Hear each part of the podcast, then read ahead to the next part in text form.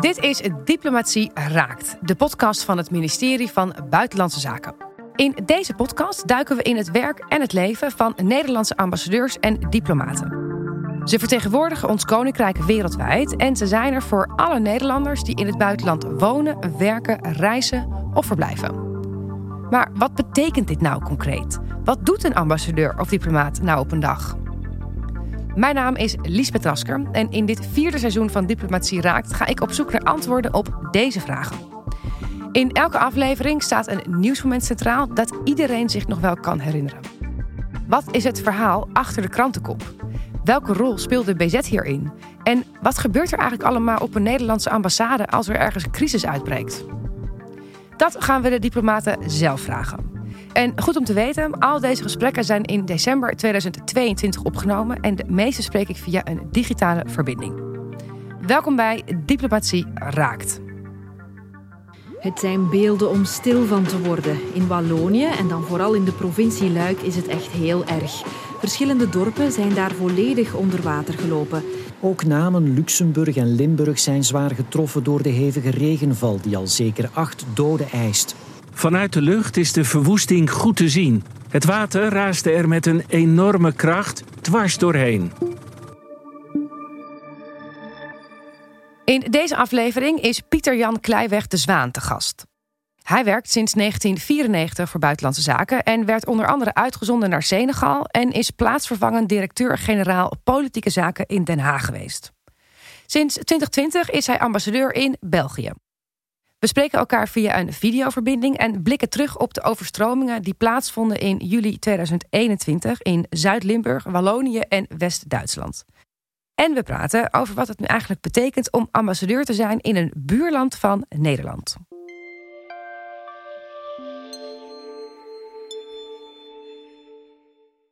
Allereerst fijn dat we jou uh, kunnen spreken. Heel fijn. En zit jij nu in Brussel of waar? In Brussel, waar in Brussel ja, op de, op de ambassade. Helemaal goed. Nou, wij zitten in, uh, in Amsterdam, dus wat dat betreft is het dan internationaal uh, gezelschap. Um, we gaan het hebben over de uh, ernstige waterproblematiek. we herinneren ons natuurlijk allemaal die nieuwsberichten en die nou, heftige beelden.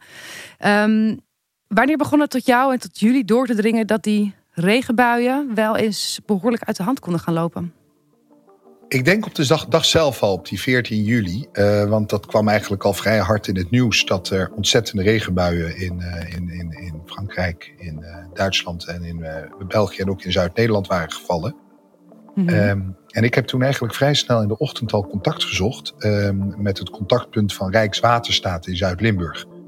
Uh, dat is wel interessant inderdaad. In België ben ik ambassadeur, maar ik heb dus ook heel veel contact met de grensprovincies. Hè, want die hebben heel veel ja. belangen, die voor ons belangen. En ik heb toen contact gezocht met, uh, met haar. Um, en die vertelde mij inderdaad dat er al hele grote uh, overstromingen waren. En dat het water van de Maas al tot hele gevaarlijke hoogte was gekomen. En dat was nog niet eerder gebeurd dat het zo hoog stond? Ja, dat dat al heel alarmerend was in, in de loop van na die, al die regenbuien in de nacht al. En toen heb ik meteen contact ook gezocht met de Waalse minister van, uh, ja, die belast is met regionale ontwikkeling, meneer Collignon. En die zei tegen mij, ja, uh, het is inderdaad heel dramatisch. Uh, toen haar, wij hadden ze eigenlijk al gehoord dat er een aantal doden waren gevallen op die eerste dag. En wij kunnen alle hulp gebruiken ehm, die, die ons wordt geboden. Mm -hmm. dus dat was eigenlijk al meteen die eerste dag. Ehm, ik heb toen contact gezocht. Ook in Nederland hebben, zijn we ontzettend goed georganiseerd. En we hebben um, landelijke dienst uh, voor dit soort calamiteiten eigenlijk. Uh, die, die zijn in, in, te schakelen als er in Nederland wat gebeurt, maar die opereren ook voor buurlanden. Specifieke watercalamiteiten of watergerelateerde calamiteiten? Ja, van alles. Dat kan ook uh, brand zijn of heidebranden in het buitenland of, hè, of grote aardverschuivingen. Mm -hmm. dat, die heet de Nederlandse Dienst Landelijk Operationeel Coördinatiecentrum. Oké. Okay. Um, en daar heb ik mee contact gehad en die hadden natuurlijk ook al ge gezien. En die hebben toen gekeken wat mogelijk, wat zou Nederland nou op zo'n korte termijn kunnen doen om te helpen. Um, en die hebben toen besloten diezelfde dag om de reddingsbrigade in Hoorn in Noord-Holland, mm -hmm. waar er eigenlijk geen, uh, daar waren die regens niet, um, met een aantal brandweerkazernes en brandweerinstellingen in Noord-Holland uh, naar de provincie Luik te sturen om de Belgen bij te staan, om de Walen bij te staan. En diezelfde dag, dus s'nachts, zijn dus 80 uh, Nederlandse mannen en vrouwen hulpverleners uit Hoorn Ehm, met allerlei boten en, en andere spullen. Uh, vanuit Noord-Holland naar, naar Luik gereden. En hebben daar de hele nacht, de tweede nacht eigenlijk, reddingswerkzaamheden daar uitgevoerd. Ja. Uh, ik heb daar ook beelden van gezien. die kun je ook zien op internet. Dat is echt ongelooflijk. die hebben de hele nacht gewerkt. Ik moet zeggen, ik was erg trots op ze. Want ze waren als eigenlijk als eerste buitenlanders daar in de buurt. Ja. En was dit op de dinsdag of de woensdagavond dan? Dat was op de woensdagavond. Op de woensdagavond hè? Dus op de, twee, op de eerste dag na de, na, de, na de overstromingen. Ja. En na die eerste dag, toen was eigenlijk het grootste uh, noodwerk. Want daarna ging het water vrij snel wel weer naar beneden gebeurd. En toen konden ze eigenlijk alweer terugkeren naar Nederland. Maar toen eigenlijk in die 24 uur zijn meer dan 40 mensen in Wallonië uh, overleden. Hè? Door die rivieren en die beken die uit, uh, uit, uit hun oevers braken. Ja, ja, precies. En want op donderdagavond werd Zuid-Limburg ook nog eens tot rampgebied verklaard. En ik begreep dat er in Luik was er een avondklok en er reden auto's door de straten waarin uh, boodschappen werden rondgereden. Dat klinkt allemaal behoorlijk ja, dystopisch eigenlijk, zou ik willen zeggen dat was inderdaad, uh, wij, wat, wat wij dan ook meteen gedaan hebben. Wij hebben natuurlijk als ambassade ook meteen het reisadvies aangepast. Ja, oh ja. Want er zijn hele delen van Luik waar je eigenlijk niet meer kon komen als Nederlander. En het was, je moet ook niet vergeten, het was 14 juli. Uh, dus er zijn ook allerlei mensen in Nederland die op vakantie gaan. Ja. Die ook naar, en de meeste mensen volgen wel het nieuws, want de Nederlanders zijn verstandig. Maar het is toch ook wel belangrijk om dat te markeren. Want er waren hele delen waar je niet meer kon komen. Ook delen van de weg waren weggeslagen. En inderdaad, in, en je moet ook zien, zo'n rivier, die Maas, die, die, die, die, die loopt dus eerst zijn er dus de, de lager geleden gebieden die, waar die Maas hoog wordt. En langzamerhand wordt die hoger. En de dag daarna precies, uh, precies wat je zegt is Limburg tot, uh, tot, tot, uh, um, tot noodgebied verklaard. En uh, is, de, is, is ook de Maas in, in Nederland buiten zijn oevers getreden. Goedenavond. Limburg maakte zich vandaag op voor wateroverlast. Want het ging zo snel, het liep zo gauw onder water, je had geen tijd. We probeerden de televisie op de tafel te zetten, maar het water was al boven de tafel, dus het had helemaal geen zin. In heel Limburg geldt code rood. Dat betekent dat het hard regent en waait. Op sommige plekken wel harder dan 100 km per uur. Wat ik gisteren meegemaakt heb, is dat ik gisteren een rivier in mijn tuin had. Uh, van ongeveer 40 meter breed. Hier uh, vanaf hier van het hek tot aan ja, 40 meter dik achter in de tuin. En nu is het bijzonder uh, dat er in Nederland heel veel, wat is het? Heel veel economische schade, maar er zijn geen dodelijke slachtoffers gevallen. Ja. En daar hoeven we ons niet over de borst te op de borst voor te kloppen. Maar het is natuurlijk zo dat in Nederland in de jaren negentig, toen die Maas voor het laatst zo uit zijn oevers was getreden, een heel groot beleid is gemaakt om allemaal uit te waarden en overloopgebieden te creëren. En, dat en dat beleid van, van het ministerie van, van, van Rijkswaterstaat en, de, en, de, en alle waterschappen heeft er waarschijnlijk toe geleid dus dat we het toch beter hebben kunnen kanaliseren. En in Wallonië is het wat geaccidenteerder terrein, en zodra is het echt heel snel de straten ingelopen en de kelders ingelopen en zijn mensen vast komen te zitten. Ja, en behoorlijk veel doden uiteindelijk toch ook nog veel meer dan die eerste 40? Nee, ik, geloof dat ze totaal op 44 zijn ge, uh, gekomen. Wat nog steeds heel veel is. Absoluut, ja. En um, als Nederlands ambassadeur in België, dan ben je daar dus voor de Nederlandse belangen en voor de Nederlanders al daar. Wat is nou concreet jouw rol op het moment dat er zo'n noodsituatie ontstaat? Is het dan eerst om de, inderdaad de Belgische autoriteiten te ondersteunen of om Nederlanders uit België te halen? Of wat, wat, wat gebeurt er dan bij jullie? In dit geval hoeven de evacuatie niet plaats te vinden. Hè? Dat zou in andere landen zijn, weet je, dan moet je dat misschien soms doen. Als er een staatsgreep is, dat is hier niet zo, want uh, het, het, recht en de orde was er nog steeds. Nee, mijn Nederlandse taak, eerste taak was denk ik contacten te leggen met de Waalse overheid. Twee, als schakel te fungeren voor de Nederlandse hulpverlening, voor de solidariteit met onze buren. Daarna heeft er ook nog politiek contact plaatsgevonden, onder meer tussen de minister-president, onze minister-president en de Waalse minister-president. Um, uh, uh, die Rupo, uh, minister Kaag, die was toen minister van Buitenlandse Zaken, heeft ook nog contact gehad met Wiel Mes, haar, haar counterpart, ook om tekenen van daar speel je als ambassade allemaal een kernrol bij. Om die dan ook die gesprekken mogelijk te maken. Want ik geloof dat het zo is dat zeker als buren je zo'n calamiteit treft. Dat tekenen van, wat is het, van solidariteit um, heel erg belangrijk zijn. Nou, de derde taak die je dan hebt, vind ik ook, is communicatie aan de Nederlanders. Dat doen we dus ook via zo'n reisadvies, wat we dan heel snel moeten, um, moeten, moeten, moeten aanpassen. Uh, we moeten veel over rapporteren, want er worden in Nederland komen er ook een aantal uh, hoogambtelijke en politieke vergaderingen bijeen. En die willen dan ook precies weten wat in de buurlanden gebeurt. Dan zijn wij de ogen en de oren van de Nederlandse overheid, maar ook van de provincies in België. Dus dan ben je wel met al die stappen en op al die schaakborden moet je tegelijkertijd bezig zijn. Ja, en is er, ligt er een, een, een protocol voor dit soort dingen? Of moet je alles ad hoc beslissen, beslissen en besluiten? Of hoe, hoe weet je wat je moet doen?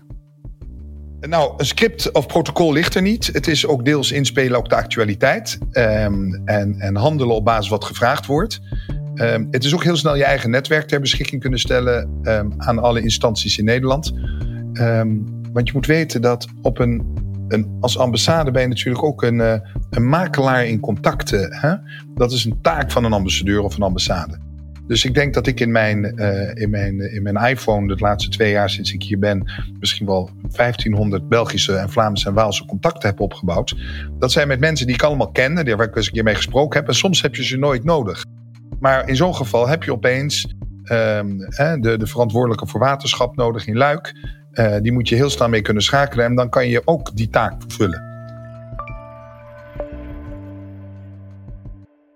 Wat voor sfeer heerst er op de ambassade? Of heerst er in dit geval op de ambassade toen dit allemaal speelde? Want het is dus een paar dagen dat echt dat de piek lijkt me het hoogst is. Wat is iedereen dan dag en nacht daar op de ambassade? Of hoe, kun, je, kun je even de sfeer neerzetten? Nou ja, we, werken, we hebben een team wat niet heel zo groot. Bovendien was het ook al in, in juli. Dus er waren sommige mensen met vakantie. Dus sommige mensen uh, laten dus een bestaande taken doen ze even niet. Degene die een landbouw doet, helpt dan ook even mee. Dus je, je, je springt voor elkaar in. Hoe groot is het team trouwens dan wat er zat? Er zitten, er zitten hier totaal op de ambassade 40 mensen, maar van 20 erg in de administratieve taken. En ik denk dat toen van de 20 mensen er zo'n kleine 10 zaten. Uh, dus dan werk je in een klein team waar, je ook, waar het ook heel belangrijk is om elkaar goed te informeren. Um, ja, en, en hoe ziet jouw operationele can-do-modus eruit? Ben je dan dag en nacht op de ambassade? Slaap je met je telefoon uh, aan, aan, je, aan bij je kussen? Nee, ik ben niet altijd op de ambassade, want je moet ook bij mensen langs. En je kan deels, het is ook heel veel telefonisch werk. Je moet goed het nieuws in de gaten houden. Je moet met mensen bellen. Dat kan ook thuis. Ik slaap wel altijd met mijn, ik slaap sowieso altijd met mijn telefoon naast mijn bed. Sowieso, dat is een, misschien een afwijking. Maar ik vind het belangrijk om, uh, om, om bereikbaar en beschikbaar te zijn voor dit soort dingen. Um, en het is ook vaak heel snel veel. Je moet heel vaak informatie doorkoppelen aan anderen. Uh, want niet iedereen die je aan de telefoon hebt, heeft altijd dezelfde basisinformatie. Dus je bent deels ook alsmaar bezig informatie door te, door te geven. Te zorgen dat mensen met elkaar in contact zijn. Te zorgen dat er goede samenvattingen weer komen naar het hoofdkwartier. Dus, dus, dus deels ook je informatiemanagement goed regelen. Um, op een gegeven moment neemt de, de, de, de, de piek van de crisis, van deze crisis, neemt een beetje af. Kun je schetsen wanneer dat moment in dit geval was? Wanneer de rust een klein beetje begon weer, weder te keren? Een soort keerpunt? Ja, nou, en je zal zeggen, dat is eigenlijk na twee, drie dagen was het alweer voorbij. Hè? Waren de Nederlanders geweest, uh, de hulpverlening was geweest, het reisadvies, al die zaken, de rapportage. Ja, en dan komt het langzaam, uh, de politieke contacten zijn geweest. En dan komt langzamerhand het, het, het, het, hele herstelvraagstuk. maar de, de, acute crisis is voorbij. Um, en daar hebben wij, hadden wij ook een rol, hebben we ook als ambassade een belangrijke rol gespeeld. Want Nederland ik, ik, ik zei het al tegen je. Uh, Nederland heeft op het gebied van watermanagement unieke kennis ter wereld.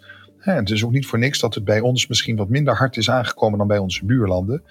Uh, omdat we daar veel in geïnvesteerd hebben en de private en de publieke partijen goed met elkaar samenwerken. Dus we hebben daarna ook, een aantal weken daarna ook, uh, uh, Nederlandse experts, uh, en dat zijn publieken, zowel van het ministerie als van de, van, de, van de private partijen, in contact gebracht met de Waalse autoriteiten om te kijken hoe hè, dat hele grote vraagstuk van preventie, et cetera, aan de orde kan komen. Dat is natuurlijk een verhaal van veel langere adem.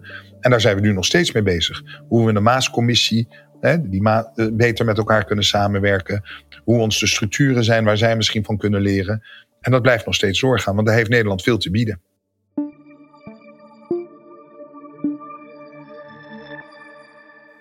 Wat zijn nou de grootste leerpunten inderdaad? Wat, wat, hoe nu verder voor jullie? Kijk, ik geloof dat we bij zo'n grote watersnood... Uh, zijn er een paar dingen die we kunnen leren. Eén is dat er een grote mate van lotsverbondenheid, van, lotsverbondenheid is van de landen die aan die Maas zitten. Dus Frankrijk, maar ook deels in uh, de, de tributaire lopen ook in, in, in Duitsland, uh, Luxemburg, België en Nederland. En dat we een gezamenlijke, een gezam, dat die Maas een gezamenlijke kans is, maar ook een, een, een probleem kan zijn als die vies wordt of als de waters te hoog worden. Dat heeft dit, dit nogmaals aangetoond. Dus dat de samenwerking daarover en de informatievoorziening daarover essentieel is. En dat kan nog altijd beter. Dat is één. Um, ik denk ten tweede um, dat je ook weer kan zien dat in grote mate van rampen uh, en, als de, en als er weinig capaciteiten zijn bij de, dat je toch erg van je buurlanden afhankelijk ook bent om je te helpen bij rampen. Dat gebeurt overigens bij ons ook. Hè. Als er grote problemen in Nederland zijn soms, dan. Uh, ik heb laatst een. Uh, ik geef u als voorbeeld. Daar zijn we ook mee bezig geweest. Als een, als een Nederlands schip bij IJmuiden losgeslagen. En dan werken we, helpen we ook aan de andere kant als ambassade om Belgische eh, reddingsbrigades, die zijn toen naar IJmuiden gevlogen, helikopters om daar te helpen. Dus de andere kant ook. Dus die gezamenlijke verantwoordelijkheid die je hebt, is, dat, is denk ik het tweede. Um, en ik denk als derde uh, de Europese solidariteit en die, uh, en, en die daarbij hoort.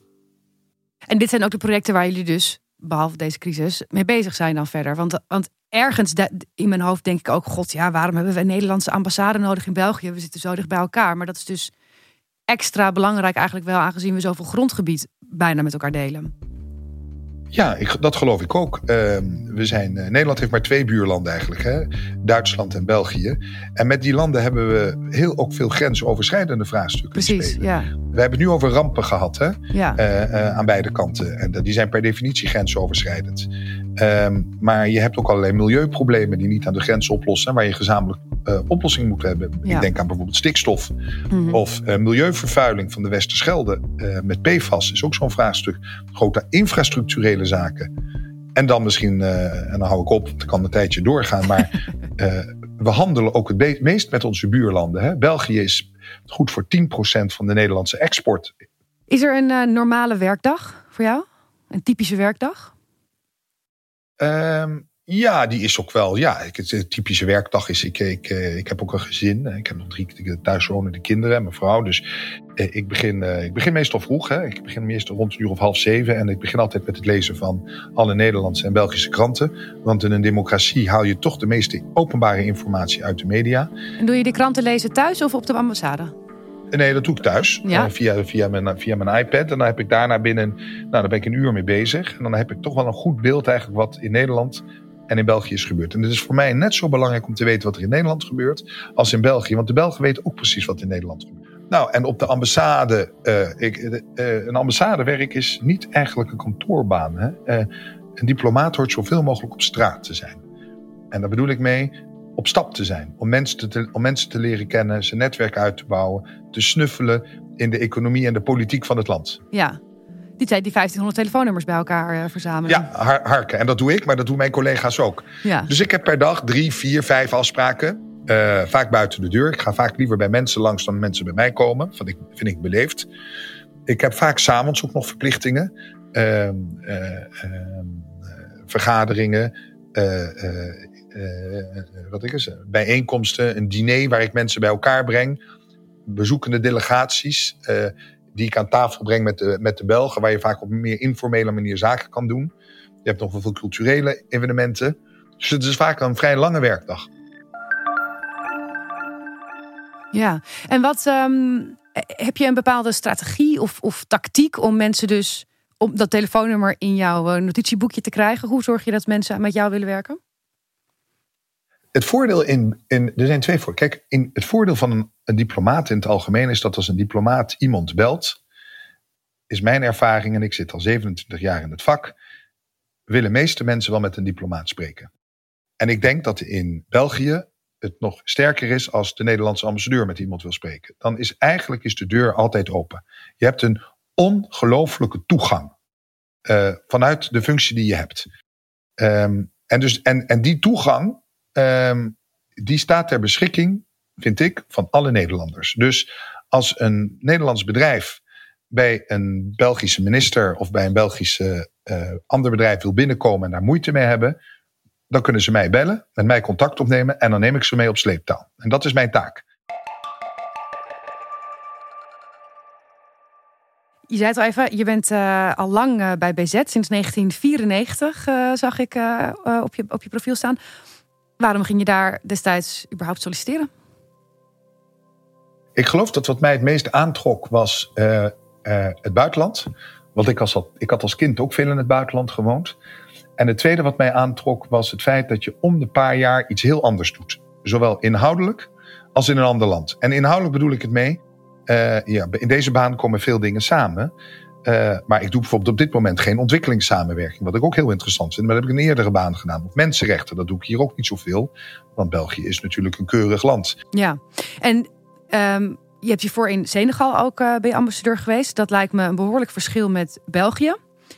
Um, is België dan niet een klein beetje saai na zo'n zo'n ander land? Nee, nee? Uh, het is niet saai. uh, het is wel anders. Want in een land als, als Senegal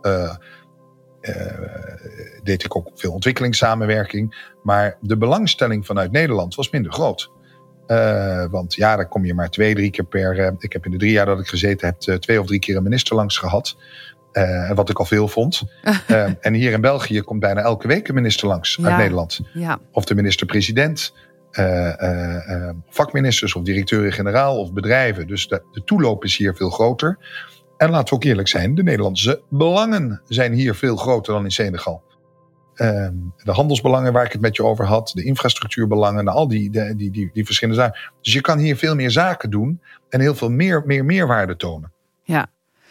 Was je, wat, wat, want jullie krijgen dan te horen na vier jaar wat de nieuwe post wordt. Je kreeg dan uh, België getrokken. Wat dacht je toen? Ik dacht, ik, dat, is de, dat is de hoofdprijs. Ja, de hoofdprijs. En waarom, waarom dat gevoel? Omdat het een buurland is. Ja. Omdat het een land is wat, waarvan wij denken dat het erg op Nederland lijkt. Maar dat is helemaal niet zo. We zijn zeer verschillend. Um, dus um, omdat het een land is met een ongelooflijk interessante geschiedenis. Omdat het een land is met hele mooie steden. Um, dus het, had heel veel, uh, het heeft heel veel te bieden. En bovendien was het ook nog zo dat het een land was waar mijn vrouw ook nog kon werken. Dus uh, wat voor veel diplomaten ook belangrijk is. want je moet niet vergeten, als je getrouwd bent, sommigen zijn dat niet, maar als je getrouwd bent, is het belangrijk dat je, je, dat je partner op, op in het buitenland ook um, betekenisvol, een betekenisvol bestaan leidt. Ja. En sommige partners vinden het niet erg om als partner van mee te gaan, wat vaak ook belangrijk is, heel veel belangrijk is, want dat vak als diplomaat doe je vaak met z'n tweeën. Um, maar um, als je vrouw professioneel actief wil zijn, dat was hier ook nog mogelijk. Dus ik was, voor mij was het de lot in de loterij. Hoe is het eigenlijk om een gezin te combineren met zo'n baan?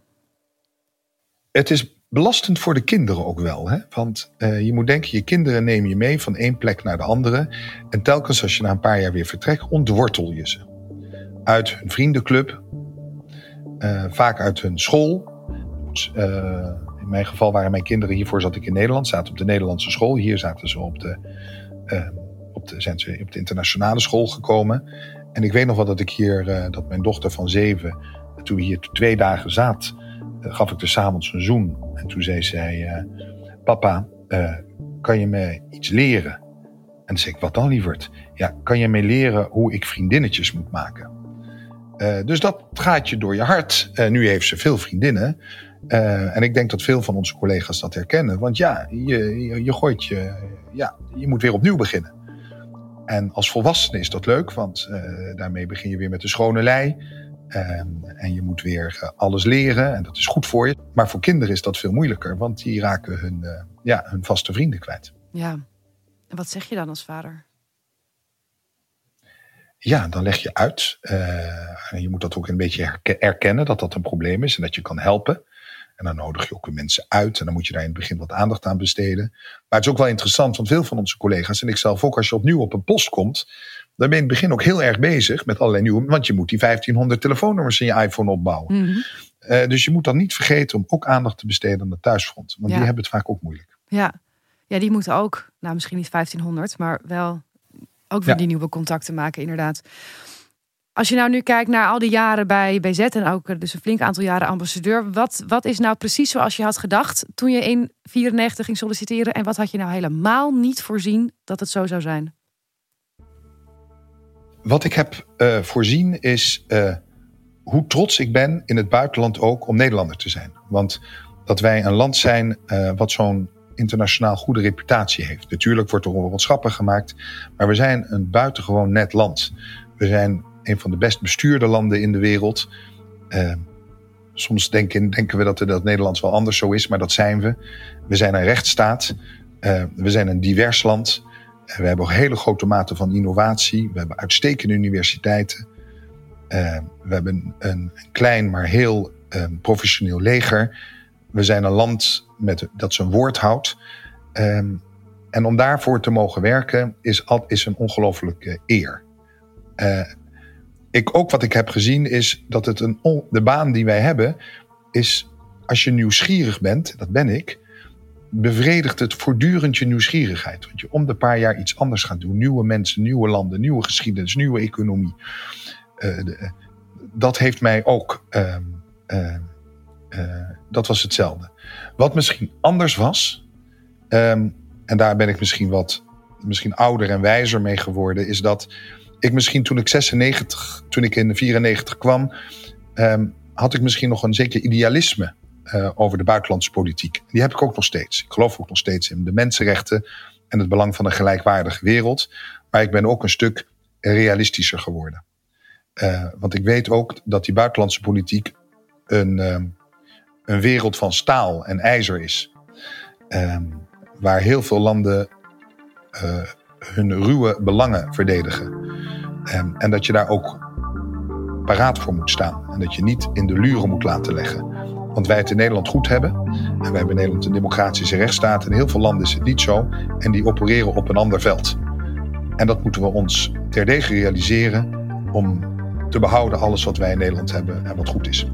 Ja, ik vind het een prachtig antwoord. Um, fantastisch. Ik wil je heel erg bedanken voor je tijd voor je mooie, voor je mooie verhaal. Veel succes met alles. Dankjewel. Dit was het Diplomatie Raakt. Een podcast van het ministerie van Buitenlandse Zaken. Wil je meer weten over wat het ministerie en de ambassadeurs doen? Luister dan ook de andere seizoenen van deze podcast of ga naar www.rijksoverheid.nl/bz. Abonneer je nu zodat je de volgende aflevering niet hoeft te missen. Diplomatie Raakt wordt gemaakt in opdracht van het ministerie van Buitenlandse Zaken en is geproduceerd door Microphone Media. Het audiodesign is van Studio Cloak en mijn naam is Lisbeth Rasker.